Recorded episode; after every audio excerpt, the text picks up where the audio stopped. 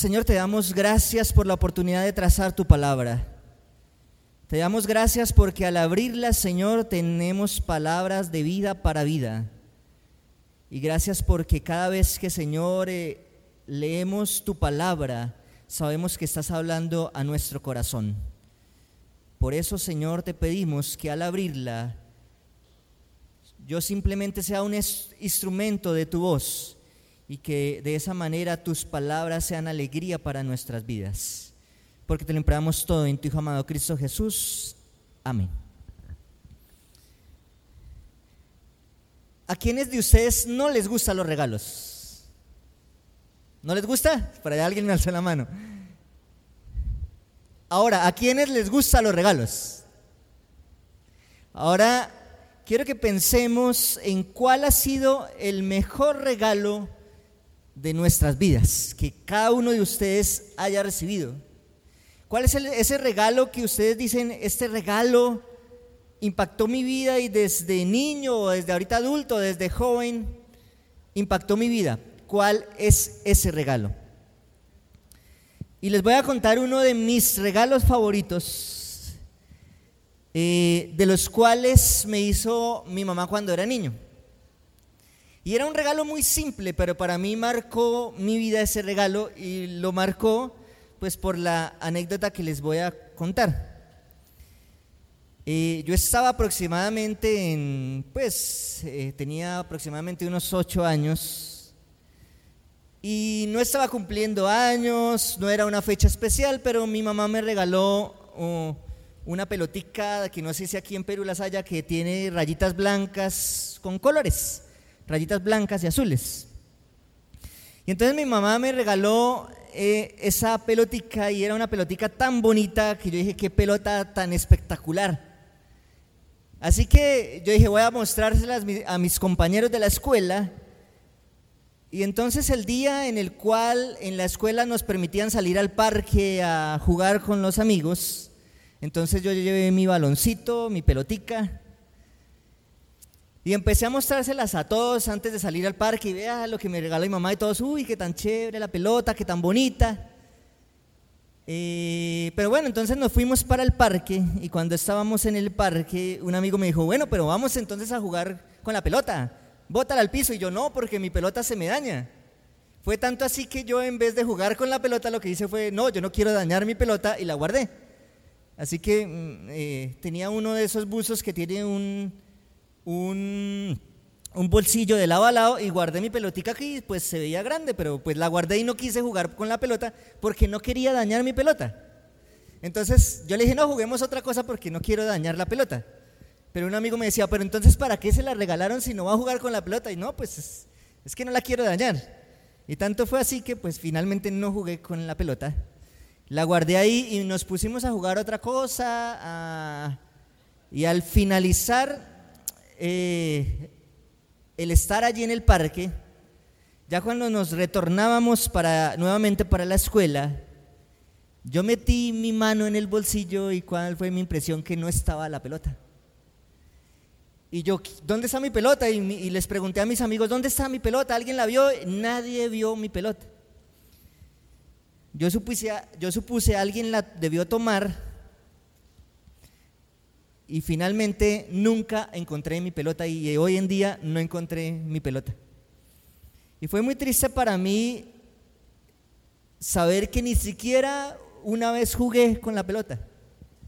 Lo único que hice fue tal vez eh, mostrárselas y tal vez sentirme orgulloso por lo que me había regalado mi mamá, pero nunca utilicé aquel regalo tan valioso que mi mamá me había dado. Nunca utilicé aquella pelota, pero eso quedó en mi memoria. Y recuerdo ese, ese como uno de los regalos más lindos, pero también como una de las experiencias más tristes. ¿Por qué desaproveché un regalo tan lindo que mi madre había, me había dado? Y pues ahorita recuerdo a mi madre con, ese, con esta anécdota. Y mi madre ya aproximadamente lleva unos 11 años de fallecida. Pero recuerda uno esos regalos lindos que hacen sus seres queridos o que alguien te da, a veces no porque tenga un valor económico grande, sino por quien te lo regaló o por lo que significa para ti. Y vamos a abrir la palabra de Dios, nuestro libro de texto, en esta tarde, mirando uno de los regalos más lindos que Dios le hace a un personaje de la Biblia. Y mirando cómo Dios a ti también te quiere en esa tarde hacer el regalo más lindo que puedas tener. Y esperamos que en este GYC, cuando tú salgas de aquí, puedas llevarte ese regalo a donde quiera que vayas. Así que vamos a, ir al libro de Juan. Y vamos a ir al capítulo 3 de Juan. Y vamos a leer desde el versículo 1 y vamos a entrar en esta historia en donde Juan relata la historia de un hombre llamado Nicodemo, un hombre a quien Dios le dio el mejor regalo que cualquiera de nosotros pueda tener. Y vamos entonces a leer desde el versículo 1 que dice así, Juan 3.1. Había entre los fariseos un hombre llamado Nicodemo, príncipe de los judíos. ¿Un hombre llamado qué? Nicodemo. ¿Qué más era aquel hombre? ¿Qué más era? Fariseo y qué otra cosa? Príncipe de los judíos. Eran dos connotaciones, dos cosas bien importantes en aquella época. Ser fariseo no era cualquier cosa y ser príncipe de los judíos tampoco. Y aquel hombre había alcanzado tal vez lo que muchos habían algún día envidiado o algún día soñado tener. Primero ser fariseo y segundo ser príncipe. Aquel hombre lo tenía prácticamente todo. Era un hombre respetado, un hombre a quien muchas personas tal vez iban a consultarle cualquier problema, cualquier lucha, cualquier dificultad, porque era un hombre que sabía de la Biblia, que entendía la Biblia tal vez como ninguno de nosotros lo podamos entender porque era fariseo. Y era uno de aquellas personas, dice también, que no solamente era fariseo, sino que príncipe de los judíos lo tenía prácticamente todo. Lo tenía prácticamente todo como algunos de nosotros a veces soñamos, que tenerlo todo es tal vez estudiar la carrera más grande que pueda soñar en mi vida, tal vez tener el mejor trabajo, tal vez tener una empresa, tal vez tener el mejor carro, la mejor finca, tal vez tener todo económicamente. Este era un hombre que lo tenía todo. Pero también algo le faltaba. Y en su corazón no sabía ni siquiera qué era lo que le faltaba. Y vamos a leer el versículo 2. Este hombre vino a Jesús de noche y le dijo, Rabí, Sabemos que tú eres un maestro venido de Dios, porque nadie podría realizar estas señales que tú haces si Dios no estuviera con él. Y aquí hay dos aspectos bien interesantes en la historia de Nicodemo. Y es que vino a Jesús de qué? Dice el texto de qué? ¿En qué momento fue a Jesús? ¿Qué dice el texto? ¿Cuándo? ¿En la noche? ¿Y por qué no fue en el día? ¿Por qué Nicodemo no fue en el día? Dice, no quería que nadie viera que un hombre tan respetado y con tanto conocimiento fuera a Jesús, una persona que ni siquiera tenía qué? Estudio. Una persona que era considerada por muchos, lo seguían pero era una persona que no como Nicodemo había estudiado en la escuela de los rabinos, ah, tenía tantas riquezas como la tenía Nicodemo, era una persona común y corriente. Y como Nicodemo, el que lo tenía todo, el que lo sabe todo, va a ir a preguntarle a una persona humilde. Por eso Nicodemo sale de noche cuando nadie lo ve y se presenta ante Jesús y le dice, tú eres enviado por Dios porque tus cosas, las cosas que hace, que haces no las puede hacer sino Dios. Si Dios no estuviera contigo. Y eso es la lo primero que dice Nicodemo y le dice a Jesús, tal vez diciéndole y haciéndole reverencia a Jesús. Pero aquí vienen las cosas interesantes de cuando tú te acercas a Cristo.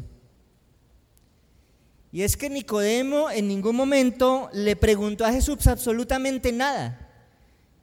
Nicodemo solamente se presenta ante Jesús y lo saluda. Pero en el versículo 3 Jesús le responde como si Nicodemo le hubiera dicho una pregunta. Dice, Jesús respondió, te aseguro que el que no nace de nuevo no puede ver el reino de Dios. Nicodemo no le preguntó absolutamente nada. Pero ¿qué le responde Jesús? El que no nace de nuevo no puede ver el reino de Dios. ¿A qué fue Nicodemo a donde Jesús? ¿Qué quería Nicodemo de Jesús? Si ni siquiera le preguntó ni le dijo lo que quería.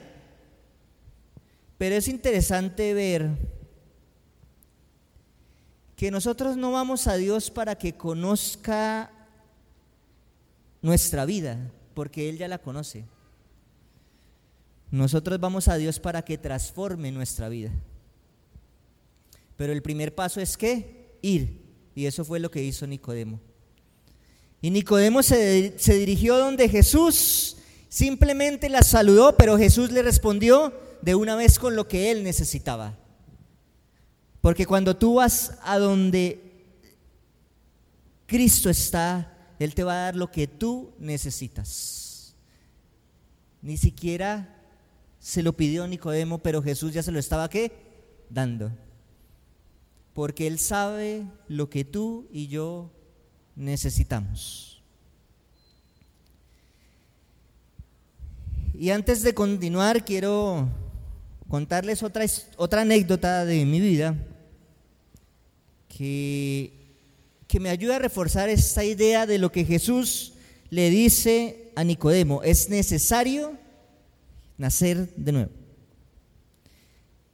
Hace algunos años trabajé en Colombia en un, en un canal de televisión en el cual yo lo que hacía era reparar artículos electrónicos. Yo había estudiado un curso de electrónica y en esa ocasión em, yo estaba en un área donde arreglaba las máquinas eh, donde transmitían los programas de televisión y donde también eh, editaban los programas. En el canal habían aproximadamente unas 100 máquinas de este tipo. Pero esas máquinas eh, pues fallaban por el uso, fallaban constantemente. Y a veces era bastante difícil arreglar ese tipo de máquinas y a veces durábamos con los ingenieros que estaban allí aproximadamente una semana, dos semanas, tres semanas para arreglar una máquina de esas, para encontrar el error que tenía aquella máquina. Eh, un día de esos, eh, viendo el trabajo que tenía arreglar una máquina de esas, eh, el jefe de nosotros dijo, voy a contactar a los que hacen esas máquinas para que nos, nos, den una capacitación para cómo arreglar esas máquinas de la manera más rápida. Entonces llamaron, hicieron en contacto con ellos, una empresa muy famosa mm, de electrónica. Y ellos, claro, nosotros vamos a darles un curso en el cual ustedes van a aprender a arreglar cualquiera de esas máquinas en 10 minutos. Y nosotros en 10 minutos, pero ¿cómo? Si a veces duramos semanas arreglando una máquina. Finalmente llegó el día y, pues todos estábamos ansiosos por saber cómo arreglar ese tipo de máquinas. Tal vez nos iban a vender eh, algún aparato famoso que eh, encontraba el error solamente mirando la máquina y decía, aquí está el error, cambia este aparato y listo, la máquina funcionaba. Nos dieron la teoría, pero cuando fue la práctica fue el momento más emocionante. Y, ellos dijeron, les vamos a, ayudar a, a enseñar cómo arreglar este tipo de máquinas. Y entonces nos dijeron, estos son los elementos que ustedes necesitan. Necesitan unas pinzas. Ah, bueno, las pinzas, ok. Necesitan un soldador, ok, el soldador. Necesitan la soldadura, ok, la soldadura. Y necesitan, adicional a eso, los repuestos, ok, los repuestos. No necesitan más, y nosotros, ¿cómo así? ¿Dónde está el aparato para medir? ¿Dónde está el aparato para encontrar el error? No había aparato para encontrar el error. ¿Y ahora cómo vamos a encontrar el error en 10 minutos si nosotros nos tardamos tanto? Y ellos, de una manera tal vez como graciosa, llegan y dicen, no hay necesidad de eso. Es muy simple. Toman las pinzas, miran los más o menos los 46 elementos que se dañan constantemente, toman las pinzas, los toman y los quitan todos. Y ahora toman el soldador, la soldadura y ponen todo nuevo. Y así funciona. Y nosotros esperando otra cosa diferente.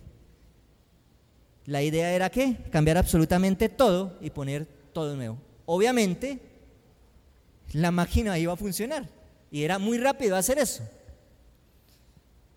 Nosotros nos sonreímos, pero obviamente después de eso arreglar la máquina era mientras le cogíamos práctica a aquello, llegamos a tener la práctica de arreglar todas esas máquinas en 10 minutos. La solución era hacer todo qué? Nuevo. Y Nicodemo escucha de Jesús unas palabras similares a estas. Hay que nacer de qué? De nuevo. Y antes de continuar el texto, pues pues también tal vez nos, nos preguntaríamos como Nicodemo, ¿qué necesitamos para nacer de nuevo? Y eso fue exactamente lo que Nicodemo pregunta.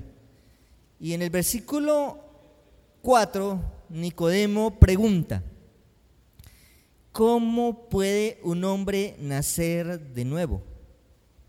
¿Puede entrar otra vez en el, celo, en el seno de la madre y nacer? Pero esa fue la respuesta de Jesús a una pregunta que ni siquiera Nicodemo había hecho. No puede ver el reino de Dios el que no nace de nuevo.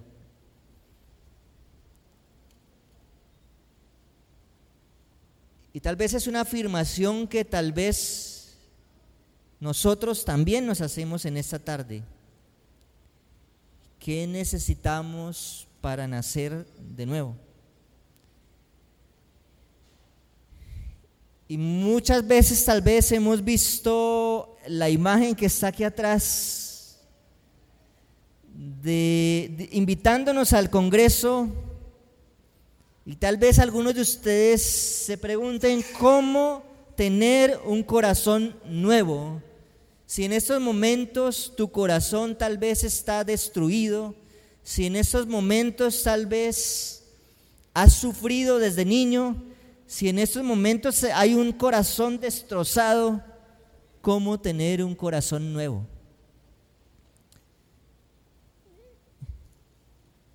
Y Nicodemo le, le pregunta eso a, a Jesús, porque a él le parece ilógico lo que Jesús le dice. ¿Acaso puede un hombre entrar otra vez en el vientre de la madre y nacer? Pues déjenme decirles que para Dios no hay nada imposible. Y si fuera necesario, Él mismo lo haría. Y Jesús le responde en el versículo 5, te aseguro que el que no nace del agua y del Espíritu no puede entrar en el reino de Dios. Y habían dos soluciones, nacer de dónde? Del agua y nacer de dónde? Del Espíritu. Y tal vez nacer del agua sea muy sencillo, pero nacer del Espíritu es algo más complicado. Y también muchos de nosotros hayamos nacido del agua, pero este es el momento en el cual tal vez nos hace falta nacer del Espíritu.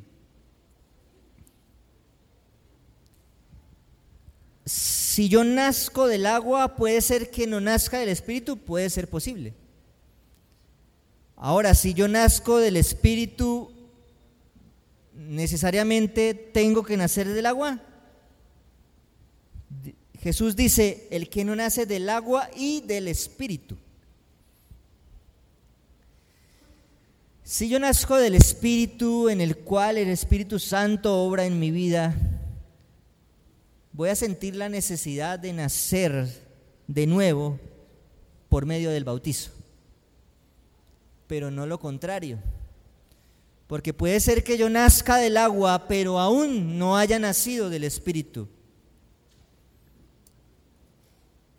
Pero Jesús no solamente lo dejó allí con tal vez pensando en que tenía que bautizarse y nacer del Espíritu, sino que Jesús sigue la conversación.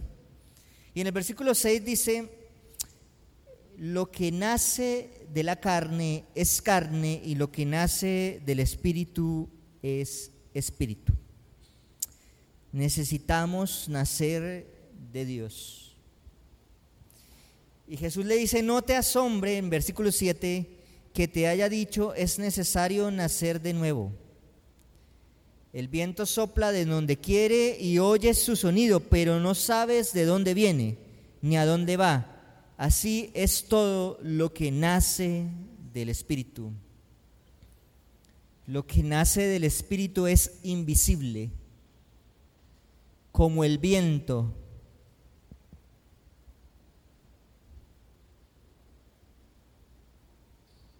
Y aunque el viento es invisible, en esta tarde veo como el viento levanta las hojas de mi Biblia, aunque no lo veo, y las pasa al otro lado.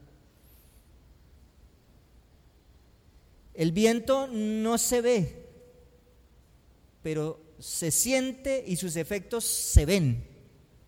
Aunque no lo vea, veo lo que hace.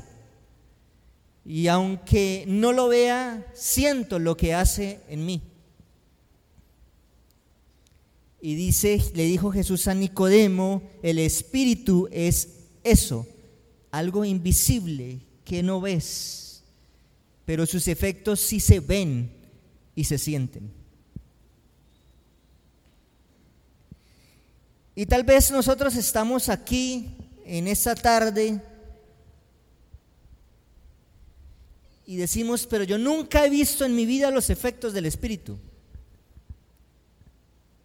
¿Cómo nacer del Espíritu?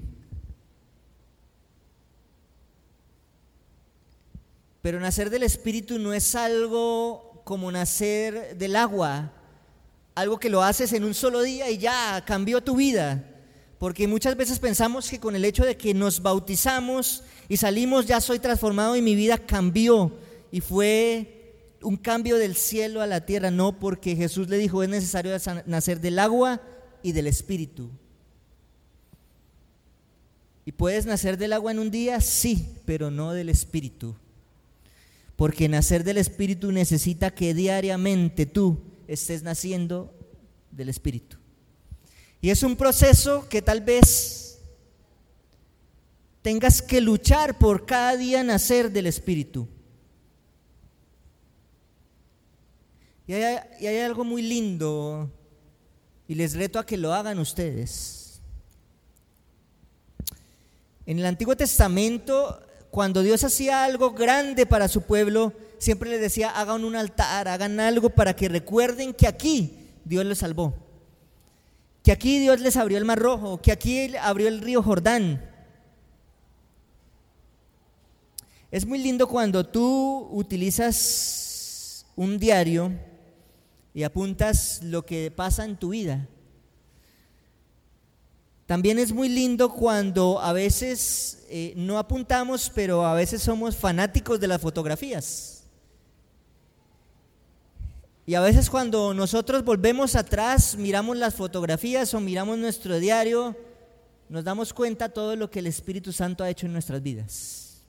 Y ahí nos damos cuenta que Dios está haciendo algo en nuestra vida.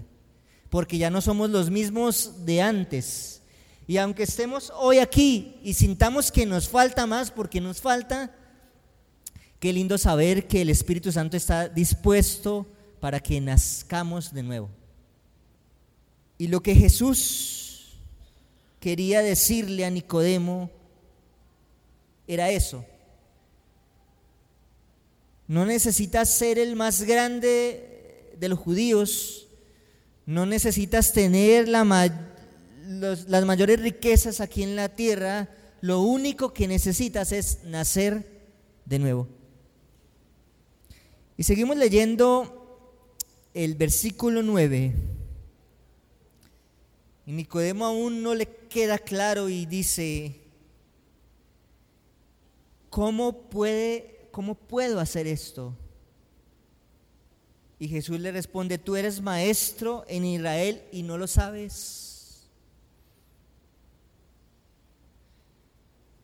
Y muchas veces no necesitamos tanto conocimiento para nacer del Espíritu. Lo que necesitamos es ir a Jesús para que Él transforme nuestra vida. Eso es lo único. Nicodemo lo sabía todo. Se sabía toda la teoría. Se sabía absolutamente todo. Y lo tenía todo en esta vida, pero le faltaba una cosa y era nacer de nuevo. Y por eso Jesús le dice, tú siendo maestro, ¿no lo sabes?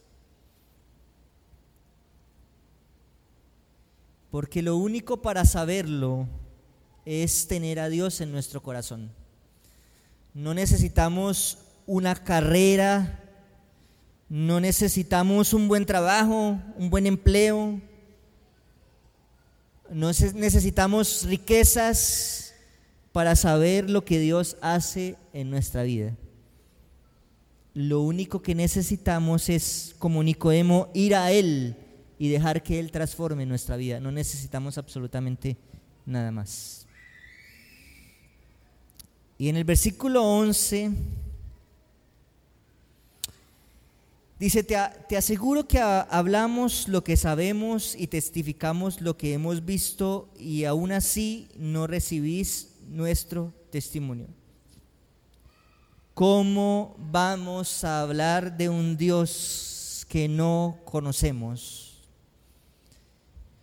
¿Cómo vamos a dejar que Dios haga en nuestra vida lo que Él quiere hacer cuando no se lo permitimos?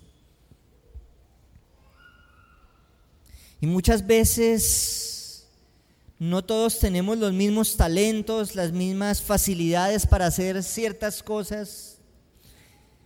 Y a veces, tal vez eh, en esa semana muchos pasen aquí y muchos pasemos y contemos testimonios de lo que Dios ha hecho en nuestra vida y, a veces nos sentamos también allí a escuchar y decimos, pero a mí nunca me pasa eso, porque a ellos sí le pasan esos testimonios y a mí no.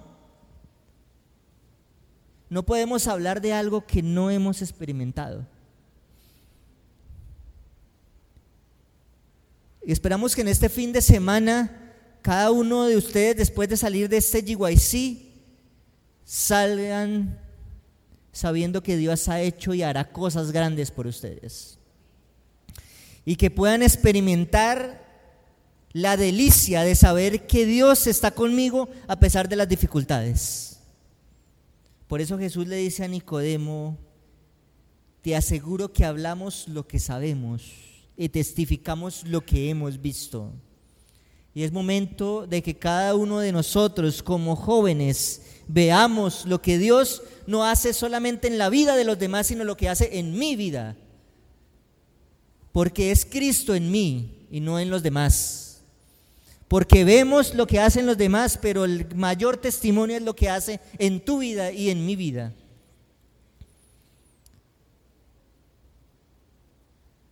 Dice el versículo 12, si os hablé de estas cosas de la tierra y no creéis, ¿cómo vas a creer si os dijera las cosas celestiales? Y es cierto, si no experimentamos en esta tierra lo que Dios hace por ti, mucho menos vamos a creer que un día Cristo vendrá en las nubes, que un día seremos arrebatados, que en un abrir y cerrar de ojos Dios nos llevará al cielo, que disfrutaremos por mil años. ¿Cómo vamos a creer eso si ni siquiera creemos muchas veces que Dios hace algo por mí cuando estoy aquí en esta tierra? Porque tal vez suene algo muy imaginario tratar de vivir mil años en el cielo cuando aquí no vivimos ni, a veces ni 80 años. ¿Cómo creer en algo lejano si no experimentamos lo que Dios hace en tu vida hoy día?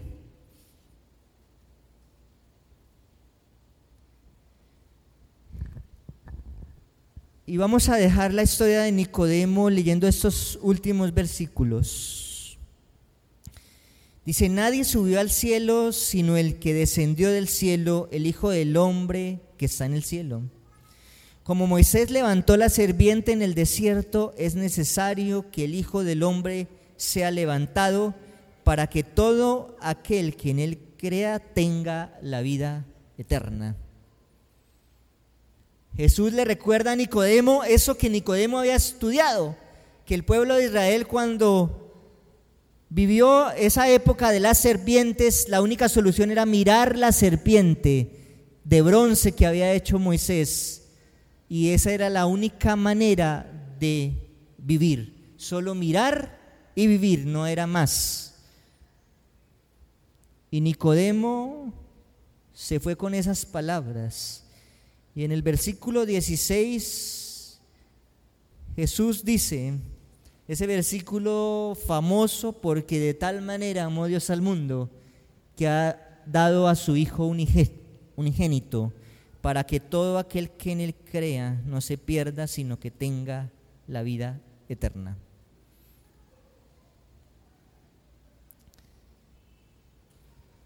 Pero no solamente Nicodemo fue a Cristo buscando algo.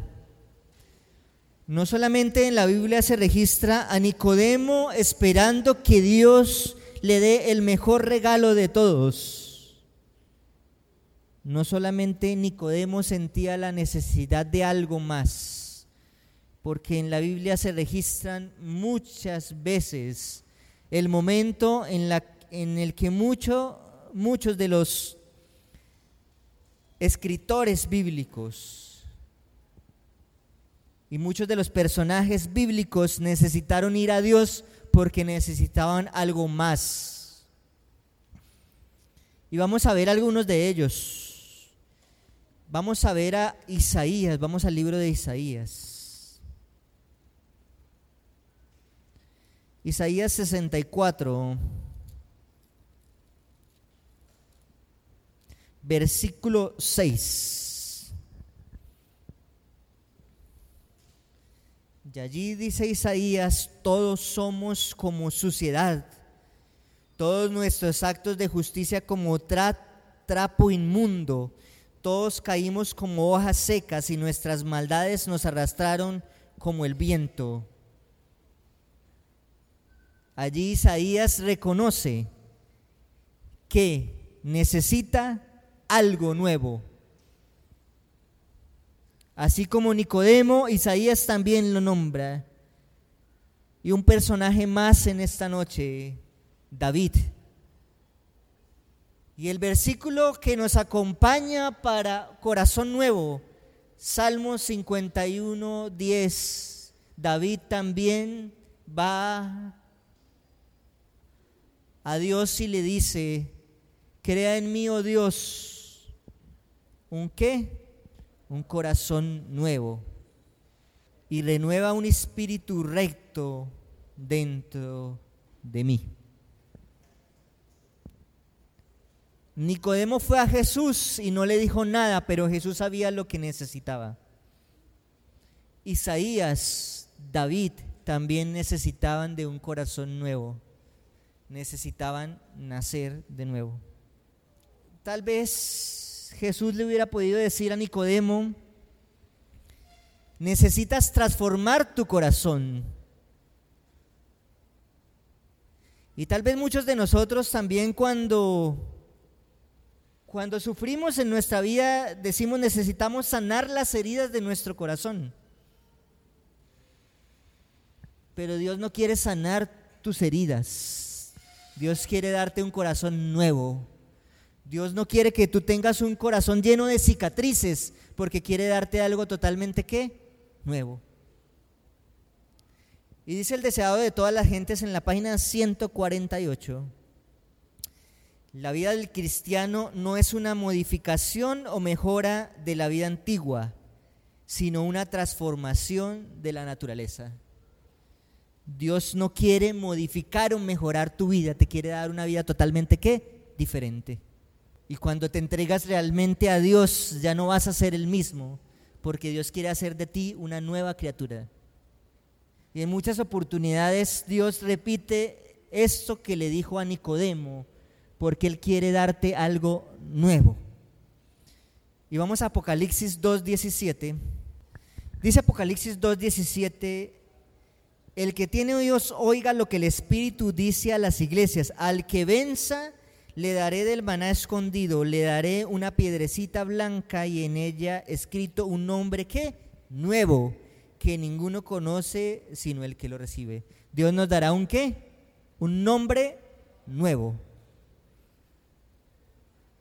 Yo ya no seré Eliseo, sino tendré un nombre qué?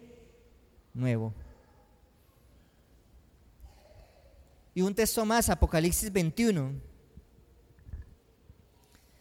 21.1 dice, entonces vi un cielo nuevo y una tierra nueva, porque el primer cielo y la primera tierra habían desaparecido y el mar ya no existía más.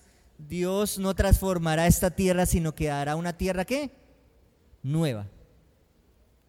Nos dará un cielo nuevo y una tierra nueva.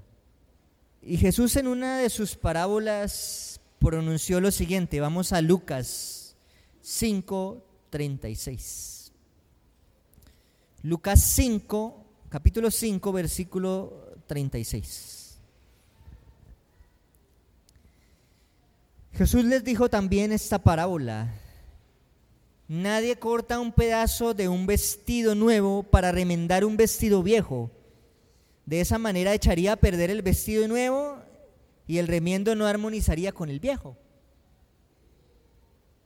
Y por más de que ustedes tengan alguna prenda de vestir que les guste mucho y se les dañe, pues no harían eso que dice Jesús, que compren otro nuevo y entonces como les gusta tanto remienden con el nuevo el viejo.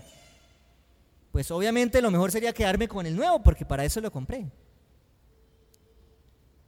Y por eso Jesús en este versículo, prácticamente es una parábola de un versículo. Nadie hace eso y Jesús tampoco lo hace con nosotros. Dios no quiere remendar tu corazón, quiere darte un corazón nuevo. Y en este sí quiere, Dios quiere que tú salgas de aquí, no con un corazón roto, remendado, sino con un corazón que nuevo porque esa es la promesa que Dios tiene para ti. Y esa promesa la encontramos registrada en el libro de Ezequiel. Ezequiel 36, vamos a Ezequiel 36. Ezequiel 36, versículo 26. Dice Ezequiel 36, 26, os daré un corazón nuevo y pondré un espíritu nuevo dentro de vosotros. Quitaré de vuestra carne el corazón de piedra y os daré un corazón de carne. Pondré mi espíritu dentro de vosotros y os haré que andéis en mis mandamientos, que guardéis mis normas y las cumpláis. Os daré un corazón que nuevo. Y Dios quiere transformar nuestra vida no con remiendos, sino con algo totalmente nuevo. Y en segunda de Corintios, vamos a leer un par de textos más, reforzando esta idea, segunda de Corintios 5, versículo 17. Por tanto, si alguno está en Cristo, nueva criatura, nueva creaciones. Las cosas viejas pasaron y todo es que nuevo. Si alguno está en Cristo, es nueva qué? Creación. Y Dios quiere volver a hacerte de nuevo.